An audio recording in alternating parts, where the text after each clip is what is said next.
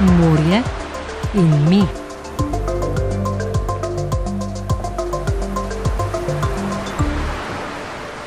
Mi imamo cel kup takšnih območij, ki sicer na papirju ne bi bila neka morska zavarovana območja, vendar z njimi nihče ne upravlja, tam ni nadzora, dogajajo se pravzaprav kriminalne zadeve. Recimo v eni od uh, jadranskih držav, ne, ne bom imenoval, ampak vendarle imajo morsko zavarovano območje, v katerem še vedno lovijo z dinamitom ribe in tako naprej.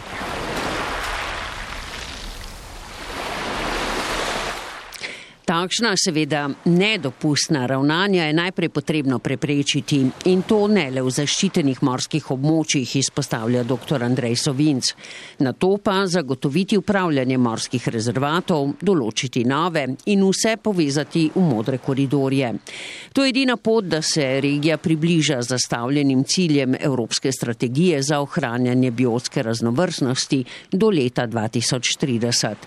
Pri tem mora za deset od predvidenih 30 odstotkov zaščitenih morskih območij veljati stroga zaščita. In 10 odstotkov na morju strogo zavarovanega območja pomeni no take in tudi no go cone, se pravi območja, kjer ni ribolova in kjer je uh, predvsem turistična dejavnost uh, regulirana in če se le da tudi transportne uh, linije nekako da se izognejo takšnih območij. Območja, kjer bi lahko zaščito morja vzpostavili na novo ali zgolj razširili obstoječo, so evidentirali v raziskavi z naslovom Analiza zaščitenih morskih območij v regiji USAIR in predlogi korektivnih ukrepov, ki jo je Sovinc predstavil na nedavnem srečanju okoljskega stebra strategije EUSAIR ali strategije za Jadransko-Junsko regijo. Smo našli takšno območje, kjer smo skrižali najbolj dragocene podatke o biotski raznovrstnosti in eh, jih skrižali z kartami recimo eh, ribištva, turizma, transporta. Pa vendarle so izpadla potem tudi nekatera območja, kjer eh, teh pritiskov rabe, teh naravnih virov še ni in ta območja bi absolutno morali takoj zavrvati. Največ takšnih območij je južno od Otranskih vrat ali pa nekje tam recimo od eh, Črnogorskega morja proti jugu, tam so še določene praznine, ki bi jih morali čim prej zavarovati kot neke refugije. Druge bo malo teže, recimo precej znano območje po morski biodiverziteti je tako imenovana območje pri otočju Jabuka. Tam je biodiverziteta izredno bogata in pritiski so vse hujši od turizma do rabe teh naravnih virov, ampak bi se še dalo nekaj zavarovati, nekaj rešiti bistveno teže bo pa za nas v severnem Jadranu, kjer je pa največja gostota, zanimivo, največja gostota in ribolova in seveda transporta od luk reke, kopra, trsta in tako naprej z tem velikim prometom. Tako da tu bo najtežje kaj iskati. Zaščito severnega Jadrana ponuja prav dejstvo, da sta sosednji Italija in Hrvaška razglasili izključni ekonomski coni. Morski rezervat bi tako lahko nastal med Istro in Južnim Jadranom. Vsi vemo, da sta Italija in eh, Hrvaška pravzaprav razglasili uh, svoje ekskluzivne ja, ekonomske cone ne, v Jadranskem morju, tudi ob soglasju Slovenije, se pravi, to ni sporno. Vendar uh, jaz bi v tem spomnil, da te cone po definiciji so namenjene tudi eh, varstvu okolja, oziroma v tem primeru, kar recimo varstvu narave in morske biodiverzitete. In mislim, da bi te države, ki so te cone zdaj razglasile, morale biti tako fair do vseh nas, da bi recimo 10% teh con bi po mojem mišljenju morali uh, takoj spremeniti v morske rezervate, če, če so res iskreni pri svojih namenih uh, ustanavljanja teh con tudi zaradi okoljskih vplivov. Mi smo takšno cono urisali in bi se nekako lahko raztezala od nekje od Istre pa do južnega jadranskega prostora. Mednarodna politika bi na tem področju morala tudi kaj delati. Jaz sem prepričan, da bo tudi Evropska komisija na to upozorila te države. Hkrati pa vemo, da bodo takšne cone zelo kmalo nastale med uh, recimo Črnogoro in Albanijo, pa med Albanijo in Grčijo. In seveda v teh conah je še prostor tudi za te recimo morske rezervate ali pa kakorkoli neke ta zadnja ohranjena morska območja. Na severnem Jadranu pa bo v prvi vrsti potrebno omejiti ribolovni pritisk. Veste, da je recimo vem, 70% populacije morskih psov je seveda izginilo v zadnjih 30 letih. To je samo ena od vrst, ki jo omenjam, da ne gremo po posameznih vrstah rib. Znano je, da ne samo morski biologi, ampak tudi drugi že opozarjajo na popolno opustošenje severno-jadranskega prostora glede ribjih populacij različnih vrst zaradi pretiranega ribolova. Ne. Slovenija tu ni neki igralec, dobro vemo vsi, da ima pravzaprav ribiška flota se je zmanjšala za nekaj desetkrat v zadnjih letih iz takšnih ali drugačnih razlogov, ne rečem, da to iz okoljskih, ampak se je pač zmanjšala medtem, ko ta pritisk uh, strani ostalih naših sosed oziroma držav ni manjši in uh, to povzroča pravo opustošenje. Severni Jadran je, je pač opustošen, kar se tiče rib. To danes niti še ne občutimo, bo pa se to pokazalo v parih letih, ker bo dejansko prostor postal um, mrtev, da tako rečem. Študije kažejo, da to še lahko preprečimo s pospešenim ustanavljanjem morskih rezervatov.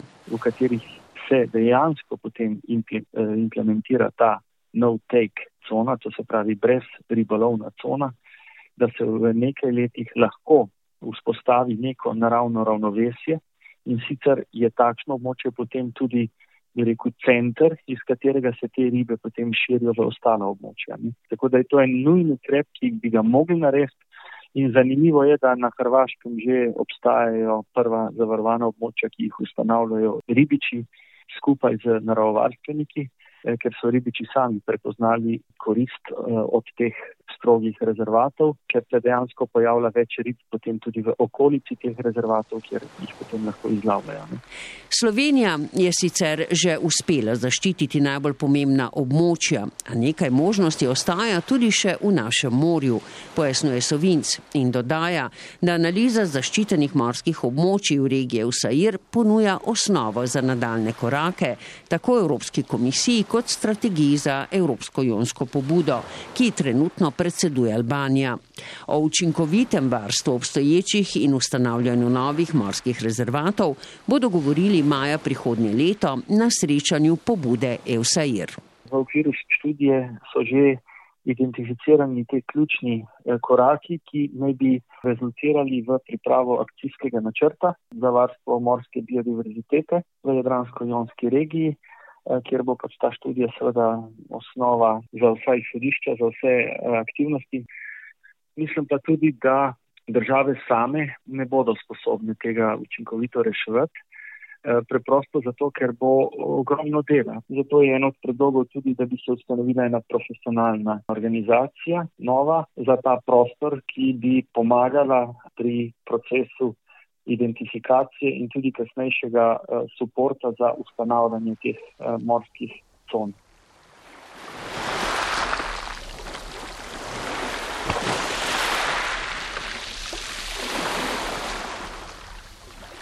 In zdaj k tujerodnim vrstam rib. Med temi je plamenka, ki so jo konec poletja odkrili v bližini otoka Vis. Ta tropska sorodnica škarpene ima privlačno zunanjost, a so njeni trni, ki jih lahko razpre v pahljačo, strupeni. Njena domovina je Indijski ocean, vendar je poselila tudi Karibsko morje, kjer povzroča veliko okoljsko škodo. O tej in drugih tujerodnih vrstah, ki so jih morski biologi zasledili tudi v Slovenskem morju, pa je Tjaši Lotrič več povedal dr. Lorenz Lipej.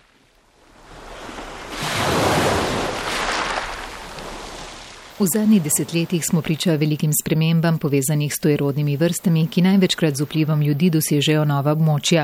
Tudi v Slovenskem morju so biologi naleteli že na nekaj tojerodnih vrst rib, zato je pomembno spremljanje njihovega pojavljanja in tudi povezovanj med morskimi raziskovalci, je povedal dr. Laurenc Lipej iz Morske biološke postaje Nacionalnega inštituta za biologijo. Smo sposobni reagirati, smo sposobni torej, povleči prave poteze in na nek način tudi eh, seveda zmanjšati morebitno škodo, če do tega pride.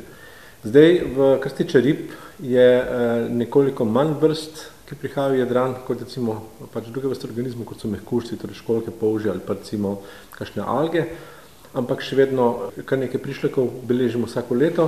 Ob koncu letošnjega poletja so na Inštitutu za oceanografijo v Splitu poročali o pojavu plamenke v južnem delu Jadranskega morja. Plamenka je riba, ki je na nek način zanimiv element, tudi problem povezan z bioinvazijo, torej s rodnimi vrstami kajti v Karibskem morju si že desetletja prizadeva, da bi to vrsto nekako poskušali izkoreniniti in uh, ti njihovi poskusi uh, niso ravno uspešni. Ta problem, ki je uh, znan iz Karibskega morja, je zelo pereč in uh, zato je pač uh, prihod take vrste še toliko bolj potreben neke priprave. Zdaj, ta vrsta druga vrsta, to je vzhodno indijska uh, plamenka, bila je šele pred nekaj, pred nekaj leti prvič opažena v Mediteranu, počasi se širi, eh, podobno kot druge vrste, ki prihajajo iz Suškega prekopa in pravimo takim vrstom lesepske seljuke. In seveda zdaj je že po neki naravni poti prišla do Južnega Jadrana, tako da je smiselno pričakovati v določenem časovnem dobi tudi v našem morju. To je lahko zelo dolgo, to lahko traja kar nekaj časa, recimo pri nekaterih vrstah je bilo potrebnih skoraj da 20 let, da so se te vrste, ki so se prvič pojavile v Južnem Medranu, pojavile tudi v našem morju, mnogo njih se pa nikoli niso pojavile. Plamenka prebiva v Indijskem in Pacifiškem oceanu, v zadnjem času pa tudi ob vzhodnji obali Združenih držav Amerike. Je obenem tudi priljubljena akvarijska riba. Plamenka je torej, na prvi pogled zelo nenavadna, torej ima zelo velike prstne plavuti, ki imajo dolge trne, je zelo počasna riba, stavi na svojo, seveda, na svojo strupenost in na svoje pač te trne. Pogosta je v plitvinah, ker je strupena nima sovražnikov, je pa sama zelo, bom rekel, torej izjemno dobra plenilka, hrani se z številnimi nevretenčari in manjšimi ribami, ki se pojavljajo v njenem okolju. Po drugi strani pa je seveda veliko hujše je, recimo, če bi v naše morje zašla napihovalka, ki se že pojavlja v Jadranu že kar nekaj časa, torej že, mislim, da že več, sedem, mislim, celo osem let, kar se pač pojavlja, no in ta se pač počasi avstralno širi proti srednjemu Jadranu. Ta riba pa je dejansko nevarna, ker je strupena in ker lahko prije tudi do zelo hudih zapletov. Seveda je to nevarno samo v primeru, če bi tako ribo zaužili, torej na krožniku. Tukaj je seveda strategija zelo enostavna, pač tisto, kar ne pobirate v gozdu, recimo med gobami in jih ne, ne pojeste, tako tudi smiselno, da tudi ti ribe, ki jih ne poznate, da pač ne uživate, ker je tukaj ta nevarnost zelo prisotna. Vsekakor pa seveda lahko zagotovim, da imamo z kolegi iz Črne Gore in Hrvaške, iz Dalmatinskih inštitutov zelo dobro povezave, tako da nas o tem skozi obveščajo, da imamo dobro razvejeno mrežo. Riba napihovalka je podolgovate oblike in ima značilne štiri zobe, v katerih je tudi strup. Te štiri zobke ima tudi eden najmočnejši strup sploh, kar jih je v naravi, to je tetrodotoksin. Ta strup seveda je znan recimo v japonski kulinariki, kjer ga uživajo kot fugu, torej ne strup, seveda ribe uživajo kot fugu, fugu ribe, ki jih pač specializirani kuharski mojstri pripravijo in potem seveda to velja za specialiteto. No, je pa to tudi zelo nevarno, če pač pride do kakšne napake. Zanimivo, ko so delali poskuse v akvarijih in so dejansko te ribe gojili z umetno hrano, so ugotovili, da niso strupene, da pač so izgubili ta strup, torej ta strup dobijo seveda svojo prehrano. V Slovenskem morju smo že imeli napihovalko in sicer leta 2012 novembra, ko je prišla navadna napihovalka, ki pa ni tujerodna vrsta, ampak je vrsta značilna za južni del Sredozemskega morja. V tem primeru govorimo o vrsti, ki je povezana z tropikalizacijo, to pomeni, da se morje segreva in zaradi tega pač ni več teh temperaturnih barijer oziroma ovir, da te vrste ne bi uspele priti severneje, kot so sicer. No, ta napihovalka, ki se pojavila leta 2012, je tudi, bom rekel, eden od teh fugu rib, torej ena od teh uh, rib, ki jo uporabljajo japonski kulinariki, no, ampak to je bil edini primer, odtlej nikoli več. Sicer pa so morski biologi v Slovenskem morju zabeležili še druge tujerodne vrste rib. To je uh, modra gospica, afriški prostorok, Imamo pa še eno ribico, ki ni ravno morska, je v bistvu v slovenskih obrežnih mokriščih, imenuje se gambuzija in je v bistvu ribica, ki so jo naseljevali med obema vojnama, to ribico, ki se hrani z ličinkami komarjev. Ampak danes se ta ribica ohrana, najdemo posod, čisto vsem, vseh, vseh obalnih mokriščih, ker pač ustraja v okoljih, ki so zelo skrajnostna. Za vse te ostale tri moram povedati še nekaj, da v bistvu so se pojavili samo enkrat in nikoli več. Ena od teh, modra gospica, je bila primer, ko je nek objesnež spustil vrgu v morje in smo potem uh, se morali potapljati in jo loviti, tako da smo jo nekako odstranili iz našega morja. To je ena najbolj nevarnih eh, ribic, eh, akvarijskih. Problem pri tej vrsti je, da je zelo agresivna, da je hud eh, kompetitor ostalim, torej hud tekmec ostalim domačim vrstam.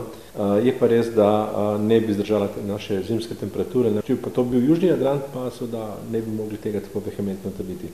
Ostali dve ribi, torej terapon, afriški kostor, sta bili najdeni samo v enem primeru, na slučaj, da sta zašli in uh, smo jih dobili uh, in nekaj časa imeli v Piranskem akvariju, potem, ko sta pa poginili, sta obe v naši zbirki, zbirki Morske Bloške postaje. No, moram še povedati, da je bila tudi še ena ribica, ki smo tudi posneli in fotografirali, vendar na italijanski strani, torej v območju tankega rtiča, torej na drugi strani debelega rtiča, torej to je italijansko zemlje, kateri uh, kopalci so to ribico, ki rečemo veliki seržant, opazili tudi na Ronku, vendar ni bilo nobenih posnetkov, nobenih filmskih posnetkov, nobenih eh, konkretnih eh, rekel, dokazov, ampak lahko še to ribico smatramo kot en tak del tujerodnih vrst, ki so prišle vsaj posredno skozi naše morje. Med najbolj prisotnimi tujerodnimi vrstami so v zadnjih letih pri nas zagotovo rebrače.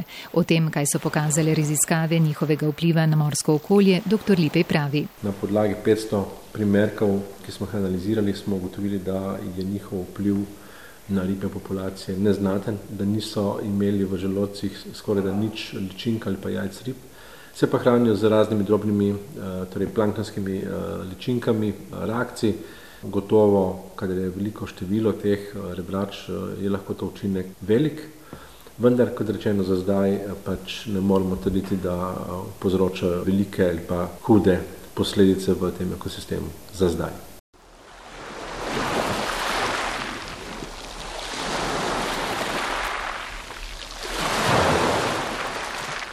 In tu zaključujemo današnjo oddajo Morje in mi. Najdete jo tudi na podcastih RTV Slovenija. Ostanite še naprej na naših radijskih valovih. Na odkrivanje novih morskih obzorij pa znova odjadramo čez teden dni. Morje in mi.